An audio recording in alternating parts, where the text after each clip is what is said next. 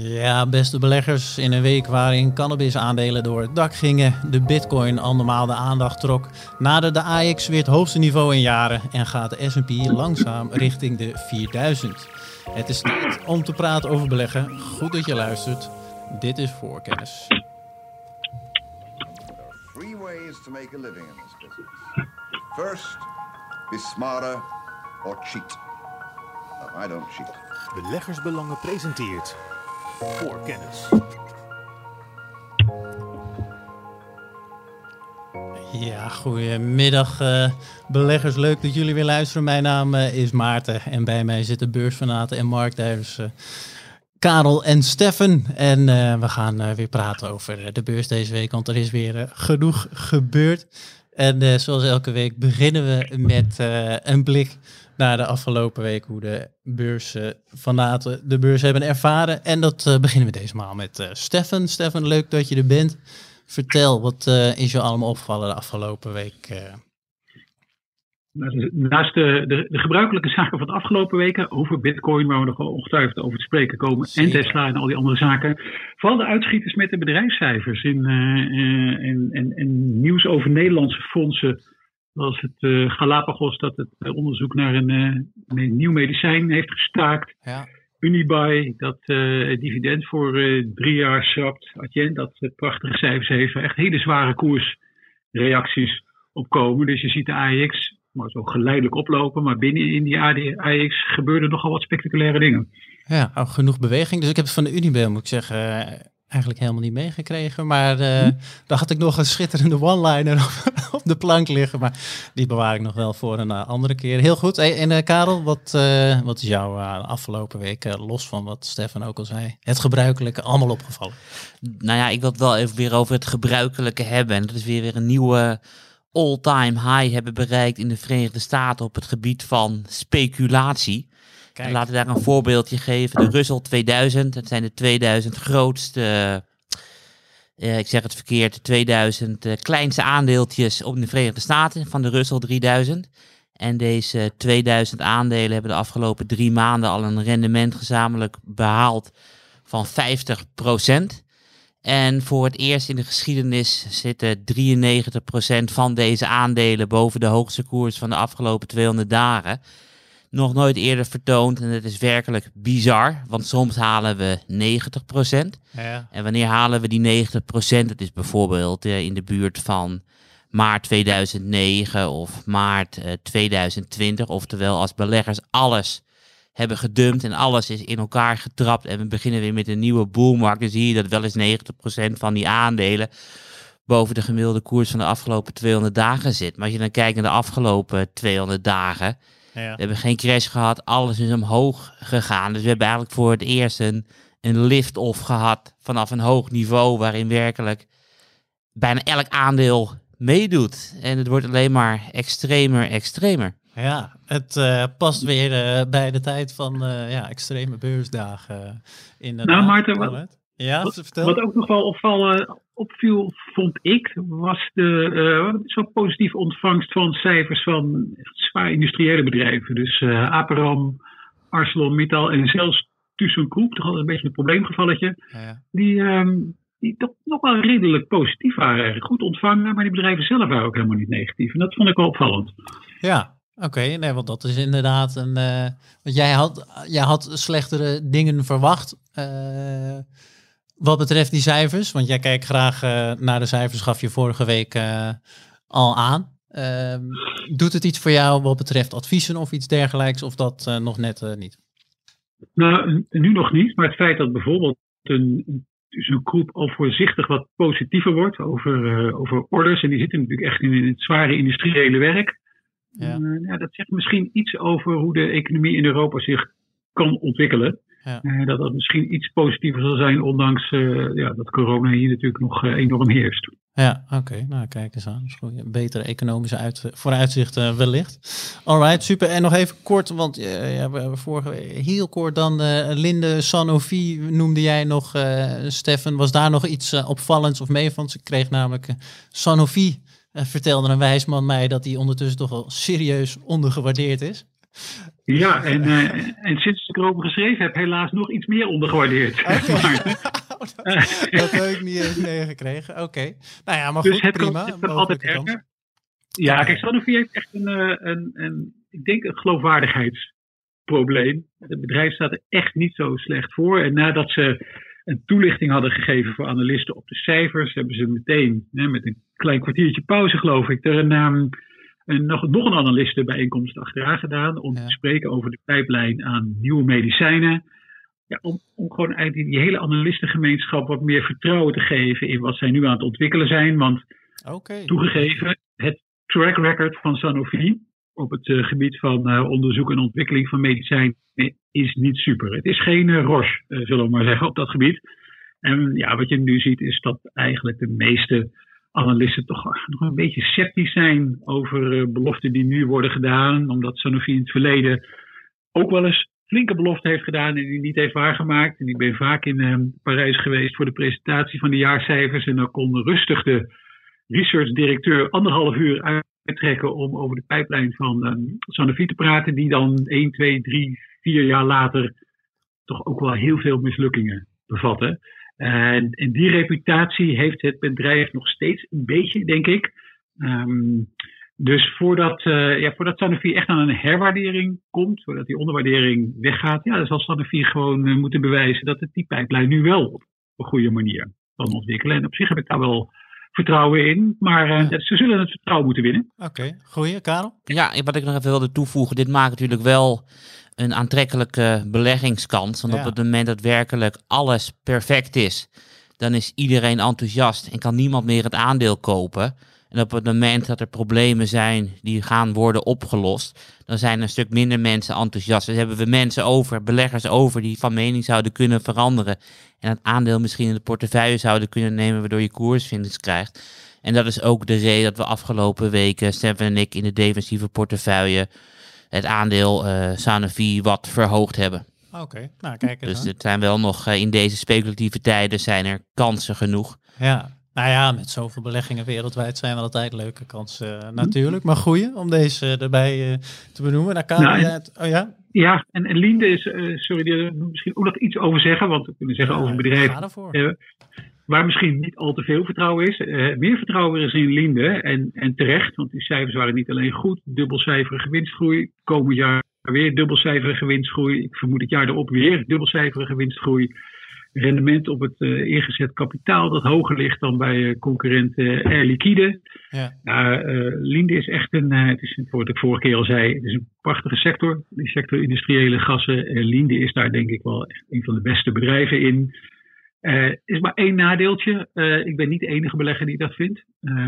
er zijn er meer die dat vinden, waardoor het aandeel nu tegen nou, zo ongeveer 27 keer de winst voor het lopende jaar noteert. Dat is eerlijk gezegd echt het enige smetje, zoals je het zo al zou willen noemen, okay. op Linde. Verder draait, echt, uh, draait het bedrijf als een lier. Want is de, en dat dus afwachten totdat, uh, mocht je willen kopen, dan uh, wacht even op de dip, als ik het zo hoor. Ja, maar, maar als jij zegt, ik wil graag... Misschien. Een serieuze dip, maar als ja. je zegt van nou, ik wil Linde graag misschien wel vijf of tien jaar een portefeuille hebben, dan vermoed ik, ja, het aankoopmoment zou nog steeds gunstiger kunnen dan dit misschien. Maar um, ja, het, het is wel een aandeel voor de lange termijn echt om ook wel in portefeuille te hebben, vind ja. ik. Okay. En je kan het ook uitrekenen, want wil je het meerdere jaren in de portefeuille hebben en heb je elk jaar dubbelcijferige winstgroei, dan zou je kunnen uitrekenen wat de koers-winstverhouding over vijf of over zes jaar zou kunnen zijn. En dan is het misschien wel waard om het te gaan kopen. Oké. Okay. Ja, en het, je kan het ook zien in dividendverhoging. Hè. Sanofi doet er 5 cent erbij en die komen dan tot een dividend van geloof ik 3,20 euro per aandeel. Ja, Linde verhoogt gewoon met 10 procent. Maar dat is een andere koek. Dat geeft ook wel iets aan uh, over het vertrouwen dat een bedrijf heeft. Aandeleninkoopprogramma van uh, 5 miljard. Dus ja, dat is, uh, het draait gewoon ontzettend goed. Oké, okay, goed. Even van tussen van mij weet ik eigenlijk niet. Maar is er per sector iets van dat er iets van een hoog of een laag dividend is? Of is dat niet? Nou, het ligt er ook aan. per se. Het ligt wel sectorgebonden. Want je hebt bijvoorbeeld, laat ik even de meest hippe sector van het moment noemen. Ja. Ruimtevaart uh, ontdekkingen. De uh, Space Explorer ETF komt eraan. Okay. Ja, daar moet zoveel geïnvesteerd in worden. Er wordt helemaal niks mee verdiend. Ja. Je krijgt er helemaal geen dividend bij. Daarnaast heb je al bedrijven die eh 100 jaar bestaan, niet hard meer groeien, wel heel veel geld verdienen. Ja. En die betalen eh, veel meer dividend. Ja, ja oké. Ja, er zit inderdaad een, eh, een logica achter. Alright, goed. En we gaan verder, want Karel, eh, jouw tweejaars rente, daar komen we zo nog wel heel even op terug. eh, denk ik, via een mooi brugje via Steffens onderwerp. We gaan eerst eh, even kijken, heb ik nog helemaal die benoemd, waar we het over gaan hebben. Dat eh, Spannend. lijkt me om te beginnen, ja. Praat gewoon lekker door het geluidje heen. Nee, we hebben een hele leuke onderwerp eh, op de kaart staan. Het is namelijk een feest op de obligatiemarkt. Daar eh, wil Stefan eh, graag over praten. Net als de stille opmars van de Britse pond en eventuele kansrijke beleggingen ehm, uit het Verenigd Koninkrijk. En Karel, jij kaart aan Tesla. Kan ook bijna niet anders. eh, en de Bitcoin en nu ook Mastercard eh, die zich daarmee eh, gaat bemoeien. En, nog veel meer. New York Mellon melden het, Twitter melden het. En de ene na de andere institutionele partij valt over elkaar heen. Waardoor we nu tijdens die uitzending op donderdag in de middag, wat is het, half vijf, de ene na de andere nieuwe all-time high voor Bitcoin op de borden zien komen. Kijk eens aan, nou, spannend. Komen we zo eh, op terug. En verder was het ook nog eh, het, eh, het groeiende vermogen van, eh van ARK Invest. ARK Invest zit met een luxe probleem. en ik denk, laten we daar maar gewoon lekker mee beginnen. Als een, om daarover verder te gaan. Want vertel, Karel, ten eerste, wie, wie is ARK Invest precies? En waarom, als ik het goed begrepen heb, zitten zij in ieder geval met een luxe probleem. En waarom is dat interessant voor beleggers? Ze ARK Invest is een aantal jaren geleden begonnen met vermogensbeheer. Ze richten zich op de meest innovatieve bedrijven van de toekomst. Ja. In het begin vielen ze vooral op omdat ze extreem hoge koersdoelen aangaven voor Tesla. Daardoor mochten ze elke keer op CNBC komen en uitleggen eh, waarom Tesla door het dak zou gaan. Ze hadden altijd eh, de meest extreme koersdoelen. Ja. Afgelopen jaar is natuurlijk het jaar geworden van de speculatie. Ze hadden begin 2020 3 miljard onder beheer. Dat steeg tot eh, ruim 30 miljard aan het einde van vorig jaar. Nu inmiddels al 50 miljard onder eh, beheer. En ze beleggen ook in, eh, in kleinere bedrijven. En het gevolg daarvan is dat ze in steeds meer bedrijven echt extreem hoge eh, belangen aan het opbouwen zijn. Soms eh 10% van de free float, steeds vaker 20% van de free float. En ze hebben ook al meerdere bedrijven waar ze een derde van de free float in handen hebben. Ja. En het zorgt nu voor een elkaar versterkende loop. Dus er stroomt meer geld in van ARK. Er wordt meer in die kleine bedrijven belegd. Daardoor eh, stijgen die koersen. Van ARK wordt nog populairder, nog mooiere rendementen. Nog hoger op de ranglijst van beste beleggingsfondsen. Weer meer instroom, meer meer stroom in die fondsen. En zo gaat het maar Door. door. Ja. En nu is het gewoon eh to the moon, om maar even een bekende meme-term te noemen. Alleen het probleem is, eh, als je denkt van hé, hey, ik wil mijn belang verkopen. Je bouwt niet zomaar een 30% of een derde van, van de free float af. Wat heel veel handel is niet eens. En In de op, kleine bedrijven. ja, klopt. Ja. En op het moment dat je een innovatief bedrijf van de toekomst ziet wat interessant is, dan kan je niet een belang opbouwen eh, wat zo groot is als je vroeger kon. Want Ja. dan gaat het aan dan ook naar de moon. En eh, ze hebben een luxe probleem. Alleen eh, zij verdienen lekker geld. Maar op het moment dat die trend draait, dan wordt het daar natuurlijk huilen met de pet op. En de vraag is, hoe lang gaat dit nog goed? Ja. En ze komen dus inderdaad, wat ik in de intro ook zei, binnenkort met een Space ETF. Nou ja, dat zijn ook niet echt de meest grote bedrijven. Nee, nee, nee, nee, grappig. Want in het artikel stond een, eh, het hier eerder benoemde CRISPR Therapeutics ook eh, onder andere. Klopt. Als Dus ik bedoel, eh, sommige tips van Stefan zullen wel ook door de moon gaan en al dat geld wat erin gaat. Dus het is wel, wel heel interessant. Ja, ja, nee, ja, leuk inderdaad. Maar jij, jij jij kaart er dan met name aan om gewoon ook weer die extreme tijden waarin we zitten eigenlijk eh, aan te geven. Ja, nee, klopt. Maar ik bedoel, kijk naar zo'n cannabis aandeel als Tilray. Dat is sinds november met 800% gestegen. Ja, bizar. En je maakt mij niet wijs dat er 800% groei is in de cannabissector in de afgelopen drie maanden. Of dat de omzet van het bedrijf maal, eh, maal 8 gaat. Of dat de winst eh, met 800% gaat stijgen. Het is alleen maar dat er een, een groter stuk van de toekomst naar voren gehaald wordt. Ja. Weet je, en ik bedoel, eh, kijk naar Amazon. Dat is natuurlijk eh, de absolute winnaar. Maar ja, het is al meerdere keren met 80 à 85 procent gecrashed. En als je gewoon die crashes durft uit te zitten en je weet dat je de winnaar hebt, is het prima. Maar ik vraag me af van de beleggers die nu instappen, weten ze dat je zelfs bij de winnaar min 85% kan gaan en dan nog uh, over 10 jaar positief uitkomen. Okay. Mocht je de winnaar hebben. En als je niet de Mocht winnaar de hebt, winnaar, ja. Dan heb je pech. Ja, kijk eens aan. Ja, nee, dat. eh, ik ben benieuwd hoe dat uitgaat. Goh, je bent wel zo. Meer dan ooit wil je weten waar de, de beurzen over een jaar staan. wat Nee, klopt. Maar wat jij ook zegt, want Stefan zei van ja, er is wat economische groei is aan het komen. We hebben enthousiasme over het vaccin, we hebben overheden, we hebben centrale banken. En we hebben de feedback loop, wat alles weer eh, verder omhoog duwt. Ik bedoel, meerdere, we hebben meer nieuwe beleggers dan ooit. We hadden vorig jaar wachtrijen bij brokers, dat we nog nooit eerder gezien hebben in Nederland. Dus de vraag is, wat stopt deze trein? Ja, nou, kijk eens aan. Oh, dat is eigenlijk een schitterend bruggetje. vind ik mij daar naar ben- Nou ja, Maarten, wil misschien toch nog iets zeggen over, die, over dat Ja, park hè, en graag. Cathy Wood. Eh, kijk, ik ben het eh, verder helemaal eens met wat Karel heeft gezegd. Wat ik wel interessant vind aan haar. Cathy Wood is overigens, dat is eh, de, de, de, de fund manager, toch? De hoofdinvesteerder van eh, Ark Invest. eh, Ja, de dame die de dat- oprichter. Ja? Oké, Die ja. nu echt rijk wordt. heeft, Ja. die nu echt rijk wordt. Ze heeft eh tijd lang volgens mij bij Alliance Bernstein gezeten. Dat is een grote vermogensbeheerder eh, eh, in Amerika. En zij heeft dus dit opgezet. Wat ik, wat ik op zich wel interessant vind. Dat volgens mij, Karel, als ik me niet vergis, is het opgezet in 2014. eh Ark Invest. Ehm, kijk, ze heeft, een, ze heeft wel haar nek uitgestoken met een aantal eh, bedrijven te promoten. Om het maar zo te zeggen. Zoals Tesla, maar ook het eh, al eerder genoemde CRISPR Therapeutics. Toen een heleboel mensen, misschien nog wel, een heleboel beleggers nog wel heel erg sceptisch waren, ook over CRISPR bijvoorbeeld. eh, waarvan zij zeiden, nee, dit is echt een baanbrekende eh, technologie. Het was een bedrijf nog veel kleiner. Hm. Ehm, ze heeft wel bepaalde dingen goed gezien. En die, die biotechbedrijven die zitten in de, eh, de Genomic Revolution ETF van, eh, eh, van ARK. En dat, dat is wel een ETF die ik ook een beetje volg.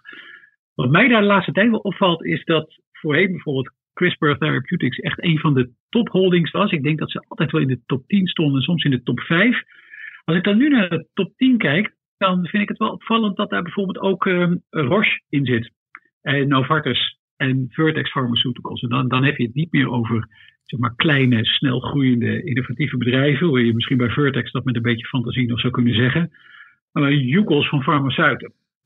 Dus ik ben benieuwd wat, wat er binnen die ETF allemaal gebeurt en wat voor beslissingen er worden genomen. Want het is een ETF, maar het is wel een actief beheerde ETF. Hè? Dus er zijn Ja. wel mensen die zitten daar aan de knoppen en die zeggen nou misschien moeten we nu wat zwaardere weging in aandeel A en een wat mindere zware weging in aandeel B doen. Maar laat ik dat Dus ik vind het ook de kritische vraag aan jou stellen, Stefan. Denk je dat ze in die grotere bedrijven gaan zitten omdat ze nu verwachten van hé, hey, die kleintjes zijn weer heel hard gegaan Nou, en de grote bedrijven moeten aan een inhaalslag beginnen en ze zitten goed op de markt, perfect gepositioneerd en een topfondsmanager? Of zeg je van er stroomt zoveel geld binnen dat ze het gewoon maar ergens geparkeerd hebben en lekker aan het cashen zijn omdat ze gewoon een procentuele management fee hebben? Nou, misschien is het, is het beide wel waar, Karel. Kijk, er komt natuurlijk inderdaad heel veel geld binnen. En de vraag is van hoeveel, eh, hoe groot moeten de belangen zijn die je in de verschillende aandelen wilt hebben. Ja, en als er geld binnenkomt, dan is het natuurlijk vrij makkelijk om eh, bedrijven als eh Roche, Novartis, Vertex eh, en nog een aantal van dit soort joekels uit te kiezen. Om in ieder geval ook de binnengekomen gelden wel, wel te beleggen. En misschien krijgen ze langzaam maar zeker ook een beetje hoogtevrees bij bepaalde aandelen die het fantastisch hebben gedaan. Zij sprak ook altijd heel erg veel over Invite. Eh, nou, die is ook een wat kleinere holding.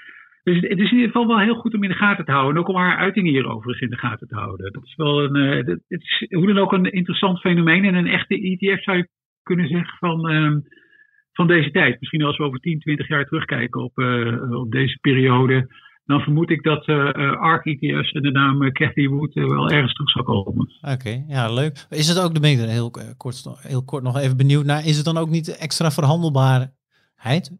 Dat je, dat die grote bedrijven die je noemt, dan is toch veel meer liquide, kan je veel sneller van afkomen voor als er eh, donkere dagen aankomen? Ja, dat speelt zeker mee. Ik bedoel, op het moment dat je ergens uit wil, dan kan je, dat, dan kan je er zo uit. En eh, ik weet, ik heb lang niet meer naar de beurswaarde van Roche gekeken. Maar corrigeer me als ik ernaast zit, Stefan. Maar ik denk wel eh, dat het ergens in de range van de 200 miljard zal zitten.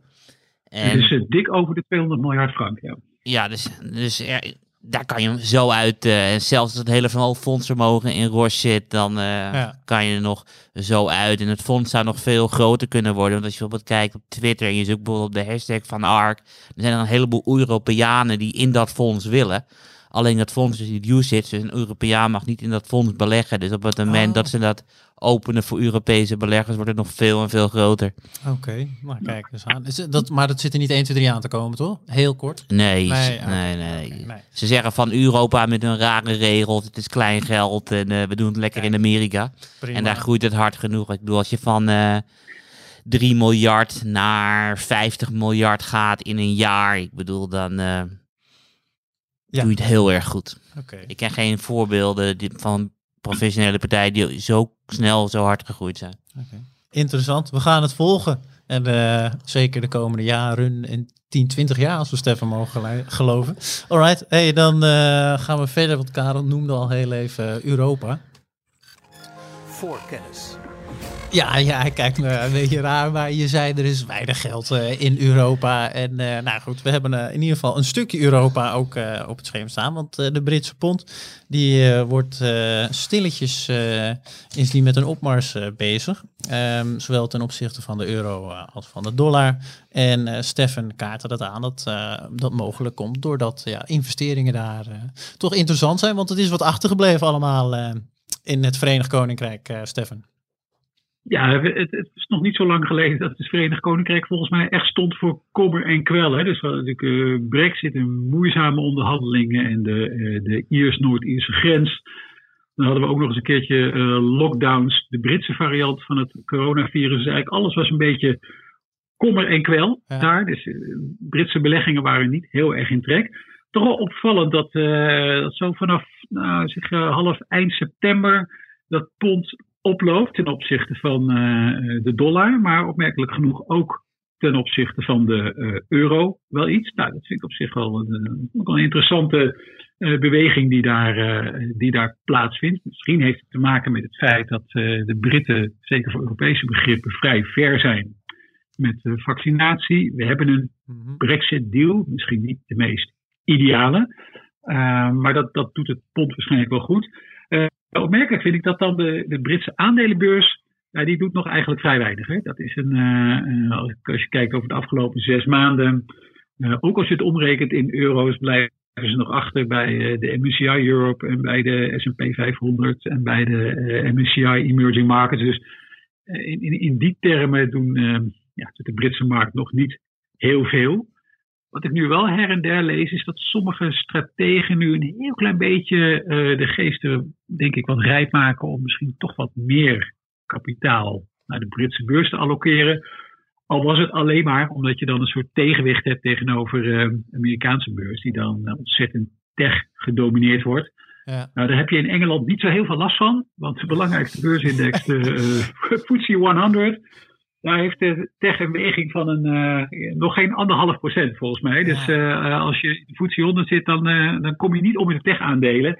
Nee, de reden waarom die, sommige van die strategen een heel klein beetje iets beginnen te zien in die Britse beurs, heeft eigenlijk te maken met, met het waarderingsverschil, bijvoorbeeld met de Amerikaanse markt. En het feit wat je dan wel koopt in het Verenigd Koninkrijk. En dan koop je ja, banken en andere okay, financials uh, mijnbouwers, pharma, dus eigenlijk allemaal wat uh, laag gewaardeerde en soms ook wat meer cyclische bedrijven. Olie en gas is daar ook een uh, vrij grote sector natuurlijk.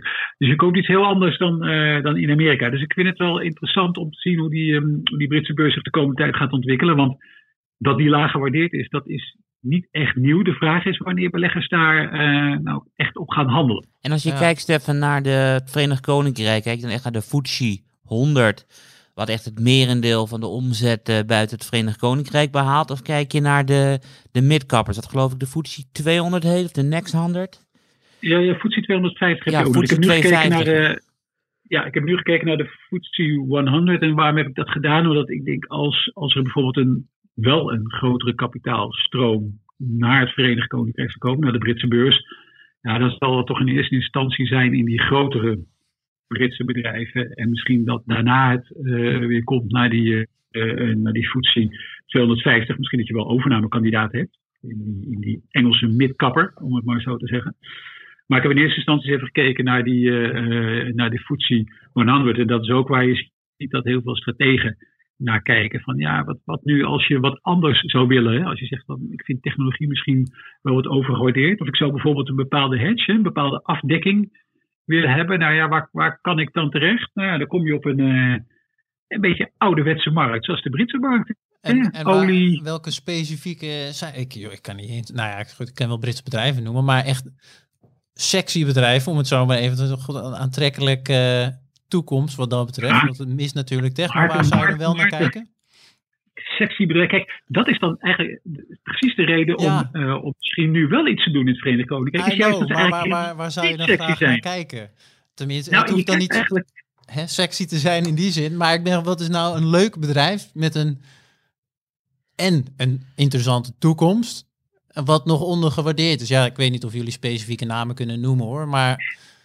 Ja, kijk, uh, Maarten, je moet een beetje je, algemeen kijken. Je kijkt dus juist naar, dus, als, als je de Britse beurs ziet, als bijvoorbeeld een hedge tegenover de Amerikaanse beurs. Je zegt van nou, ik heb misschien okay. in de CS belegd, dan, dan, dan, dan wordt die beurs helemaal gedreven door technologie. Ja. Als je nou kijkt naar een beurs die helemaal niet gedreven wordt door technologie, nou dan zou ik zeggen, kijk eens naar de Britse beurs. Die wordt echt niet gedreven door technologie. Daar, daar zal iedereen het over eens zijn.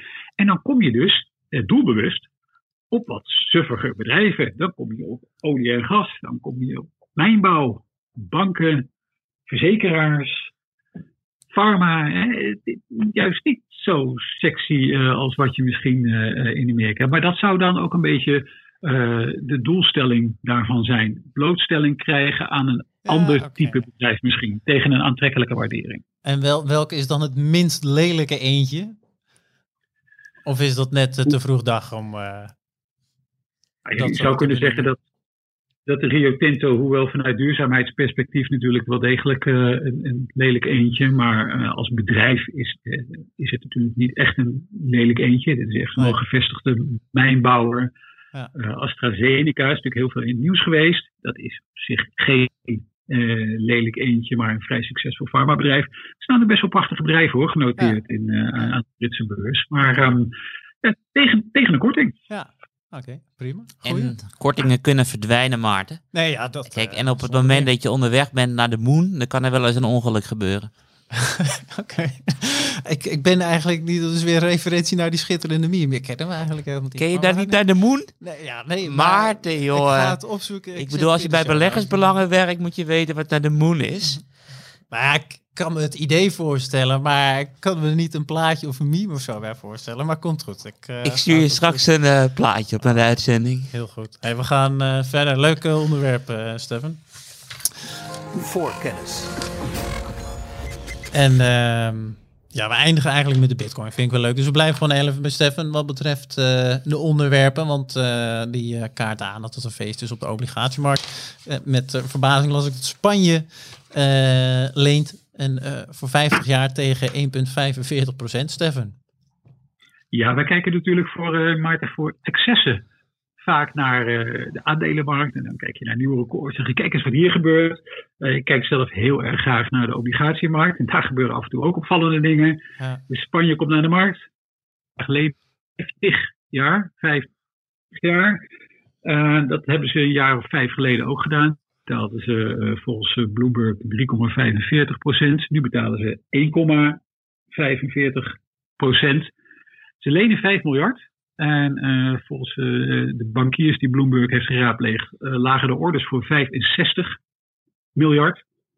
Ja, dat geeft ook aan dat op die obligatiemarkt er ook gekke dingen gebeuren. Dan moet je zelf toch eens afvragen of jij je geld 50 jaar aan Spanje zou willen geven tegen een jaarlijks rendement van 45 procent. Um, als je al tijd van leven hebt. Dat is opvallend.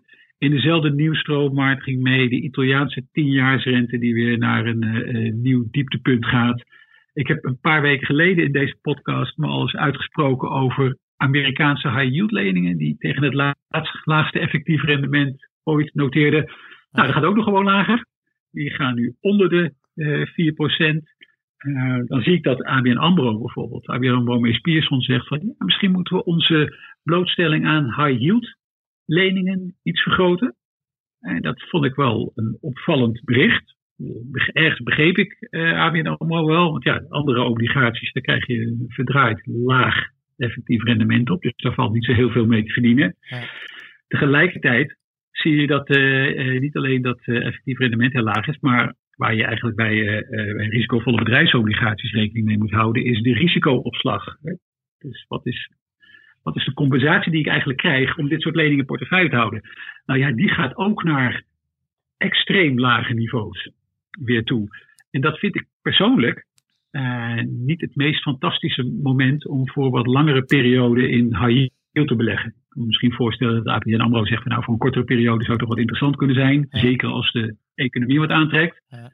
Uh, maar het is niet het meest gunstige moment. Het meest gunstige moment is als je denkt van, dit is werkelijk wel het laatste wat ik in portefeuille wil hebben. Zoals bijvoorbeeld in um, afgelopen maart. En dan krijg je meer dan, uh, dan, dan 10, 12 procent op je high yield leningen. En dan zijn natuurlijk heel veel mensen die zeggen, oh, oh nee, dit niet. Absoluut niet. Dit is ongeveer het laatste. Want al die bedrijven gaan failliet. Nou, dan maak je fantastische rendementen. Ik denk dat het vanaf dit niveau lastig is om echt fantastische rendementen te maken. Nee, maar iedereen is elkaar natuurlijk wel aan het opduwen. Want wat me de afgelopen weken opvalt, is dat het verschil tussen investment grade en staatsobligaties niet nauwer wordt. Dus de spread neemt niet toe. Dus iedereen gaat verder op die curve. En die triple C's, daar begint nu ook de spread heel erg van in te komen. Nou ja, en de triple C is alweer heel dicht bij 2 C's, 1 C en de D van default. Dus we schuiven op en ik ben heel nieuwsgierig hoe ver beleggers durven op te schuiven. Want het is wel natuurlijk... Uh, stuivertjes oprapen voordat er een, uh, hoe heet zo'n steamroller in het Nederlands? Stoomwals uh, eraan komt. Stoomwals. ja, nee, picking up nickels voor een steamroller. Ja, oké. ja, ik hoop dat Maarten bij de, Maarten, dat je bij de show notes ook de, uh, de grafieken kan doen van um, zowel het effectief rendement als van de risicoopslag op die high yield leningen. En dan moet je maar eens even kijken waar je ongeveer een jaar geleden tegenkomt beleggen en waar je nu tegen kan beleggen. En dat ziet er toch eh, in mijn optiek in ieder geval niet zo vrij uit als een jaar geleden. Maar toen wilde bijna niemand het hebben. En nu inderdaad, wat de Karel zegt, rollen we over elkaar heen om het te kopen. Maar wat je wel nog hebt, is, want waar ik vaak naar kijk, is het verschil in rente tussen Duitse obligaties en Italiaanse obligaties. En die is gedaald naar 0,9 procentpunt.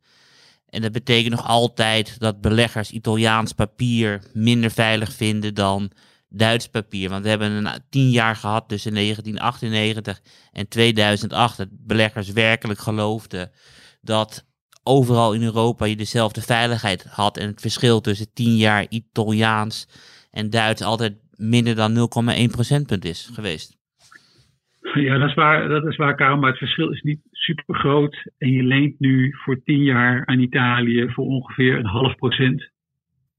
Misschien wel goed om even over na te denken. Als je je geld daar dus tien jaar neerzet, is een half procent per jaar aan rendement eigenlijk wat je dan krijgt. Dus je coupon, een half procent over tien jaar afgelost in euro's, die dan na inflatie wat waard zijn? Zeg maar. Kijk, dat is een schitterende afsluiter. Ik ben nog wel benieuwd, uh, wat, hoe lang kan dit doorgaan? Ja, waarschijnlijk uh, zal het wel de sky's the limit uh, nou ja, zijn. Maar is, komt er een punt waarop grote machtige partijen zeggen, joh, dit kan echt allemaal niet meer. Wat nou ja, Keynes zei al uh, 100 jaar geleden, of iets minder dan 100 jaar geleden, dat markten langer irrationeel kunnen zijn en dat jij zo fabel kan blijven. En dat zegt het wel weer, want dit kan heel erg lang doorgaan. Ja, oké. Kijk, en wat het is van, kijk, op het moment dat het dreigt mis te gaan, zoals bijvoorbeeld uh, vlak na de Tweede Wereldoorlog, terwijl er echt heel veel schulden zijn, dan kan je altijd nog zaken introduceren als yield curve control of vaste prijzen voor bepaalde goederen. En kicking the can down the road is iets wat je heel erg lang kan doen. Ik bedoel, de obligatiezeebel, of dat de aandelen barstte in Japan in 89. Nou ja, we zijn nu 30 eh, jaar verder. Dus uh, ik weet niet of Stefan er een mening over heeft hoe ver dit kan gaan. Maar ik denk uh, langer dan heel veel mensen denken. Ja, de, de ECB is natuurlijk een partij die, zoals we dat dan in het Engels noemen, een price insensitive buyer. Dus het maakt de ECB niet uit tegen welke prijs ze die leningen aankopen. Ze hebben gewoon een mandaat om leningen aan te kopen. En die kopen ze gewoon. Dus als ze nou een Italiaanse tienjarige lening kopen op 1% effectief rendement of op een half procent effectief rendement, dat maakt ze niet uit als het in het mandaat valt om dat te doen. Dan doen ze dat gewoon. Dit, en dit is een partij die, een, eh, die de markt gewoon domineert. Ja, ja oké. ja, heftig. Die term ook echt erbij. Ja, nee, bizar. Ik vind, ik vind het echt een bizar iets. Maar prima, we gaan het, uh, we gaan het verder afwachten waar dit allemaal naartoe loopt. En uh, met name dus ook hoe lang. Dan gaan we mooi naar het laatste onderwerp toe, want uh, de bitcoin was weer... Uh, Voorkennis.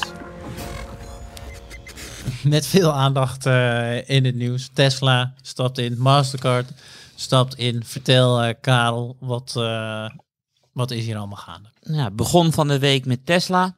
Anderhalf miljard van de kasreserves gestoken in bitcoin. Nou ja, Tesla is een van de grootste beursgenoteerde bedrijven op de wereld. Dit betekent dat iedereen die een S&P 500 ETF heeft of een wereldwijde ETF nu ook blootstelling heeft aan Bitcoin. Inderdaad, Bank of New York Mellon heeft van de week gezegd dat zij voor institutionele beleggers bitcoins kunnen gaan kopen of bitcoins kunnen gaan bewaren. Twitter wil misschien een gedeelte van de balans erin omzetten. En ja, daardoor bereikt de bitcoin weer een nieuw all-time high. En het spannende is natuurlijk hoe het nu verder zal gaan. Want gaat Tesla omhoog, dan gaat Bitcoin omhoog, gaat Bitcoin omhoog, dan gaat Tesla omhoog. Dus ze helpen elkaar naar steeds hogere koersen waarschijnlijk. Ja. En de moeilijke vraag waar ik mee worstel is van ja, we zijn uh, in november uh, hebben we weer uh, gedraaid bij Bitcoin en zijn we enthousiast geworden. Ja, ja we staan nu op 200% rendement. Ja. En als het zo doorgaat, dan komt er binnenkort een adviesverslaging aan er. Ja. Want ik vind het altijd fijn om het, de bivi-middel te beleggen. Dus ik bedoel, ik probeer niet de bodem te pakken, ook niet de top, maar gewoon als het gaat en er is momentum dat middenstuk te pakken. En de lezers van beleggersbelangen hebben nu 200% uh, in hun speculatie te pakken. En zo wat ik vorige week zei, ik bedoel, als uh, dit te hard gaat, dan gaat er een keer de regelgeving ingrijpen. Want ik denk niet dat uh, centrale banken gaan lopen kijken van hoe dit gaat aflopen. En een voorbeeldje, ik bedoel Mastercard persbericht gisteravond. En daarin stond dat uh, zij actief al contact hebben met meerdere centrale banken over de uh, digitale centrale banken cryptocurrency munten ja. die eraan gaan zitten komen. Dus ik uh, ben heel benieuwd hoe deze concurrentie gaat losbarsten straks. Ja. Want als we straks een ECB-munt hebben, dan wil de ECB dat we daarvan gebruik gaan maken en niet van de bitcoin. En ondertussen loopt uh, Musk toch lekker hondjes te tweeten. En dan zeg je erbij, uh, Dogecoin, money for the people. En dan hebben ze weer geld verdiend. En dan zegt hij van, jongens, ik heb jullie weer rijk gemaakt. Weet je, en Elon Musk is de rijkste man uh, ter wereld. Mastercard heeft ook uh, honderden en honderden miljarden aan, aan beurswaarde. Dus ook heel erg groot. Dus het is heel erg heel erg interessant. Ja, de realiteit van de digitale munt, uh, voor zover die niet al heel dichtbij is, komt steeds uh, meer dichterbij. Hoorde ik jou, Stefan, overigens uh, heel gniepig lachen tussendoor? Was, was het bij de ja, middel of niet? Of was het een, Nee, nee, ik moet er even lachen bij de, bij de Dogecoin. Toch, oh. ja, ja, de Dogecoin. Ja. Ik bedoel, Musk zegt van ja jongens, iedereen mag rijk worden, dus koop maar Dogecoin. En af en toe zal ik tweeten als de koers niet hard genoeg stijgt. En uh, ik maak jullie allemaal rijk. Dus koop maar, want ik red jullie uiteindelijk. En dat is ook wel heel erg uh, bijzonder. Ja. Dat de rijkste man van de wereld, uh, de Wall Street bad guys, alleen maar aan het opjutten zijn. Ja, ja het, het blijft fascinerend. Al het nieuws dat uit Amerika komt, het stelt toch zelden teleur nou ja. wat dat betreft. Maar in dat kader is zich ook nog wel interessant. Want ik hoorde Kaal ook zeggen over, uh, als ik goed begrepen heb, over Mastercard en het contact dat ze hebben met centrale banken over digitale uh, munten, hè, dus de digitale vorm van uh, huidige munten. Misschien moeten we die ook even bij de show notes zetten. Er is een interview geweest met uh, meneer Fabio Panetta. Dat zal niemand echt wat zeggen, maar um, hij is lid van het bestuur. Wie kent hem niet? Nou, misschien straks als je het interview hebt gelezen, wel even een interview gehouden met de Spiegel. Dat wordt allemaal netjes gezet op de website van de ECB. We zullen dat wel even delen. Ja. Hij zit in de executive board, zoals dat heet, van de ECB.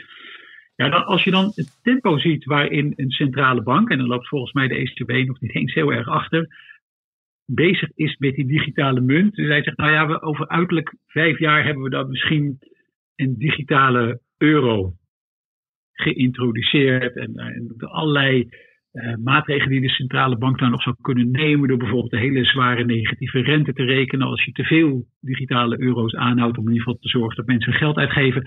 Maar het geeft wel een beetje aan hoe uh, centrale banken staan ten opzichte van niet alleen de invoering van hun eigen digitale munt, maar ook tegenover de bitcoins en alle andere coins van deze wereld. Op zich wel moeite waard om dat, uh, om dat eens te lezen. dan zie je ook een beetje het tempo waarin uh, zeg maar de, uh, de huidige machthebbers opereren. Ja, okay. het is ook wel heel interessant om te kijken wat China aan het doen is.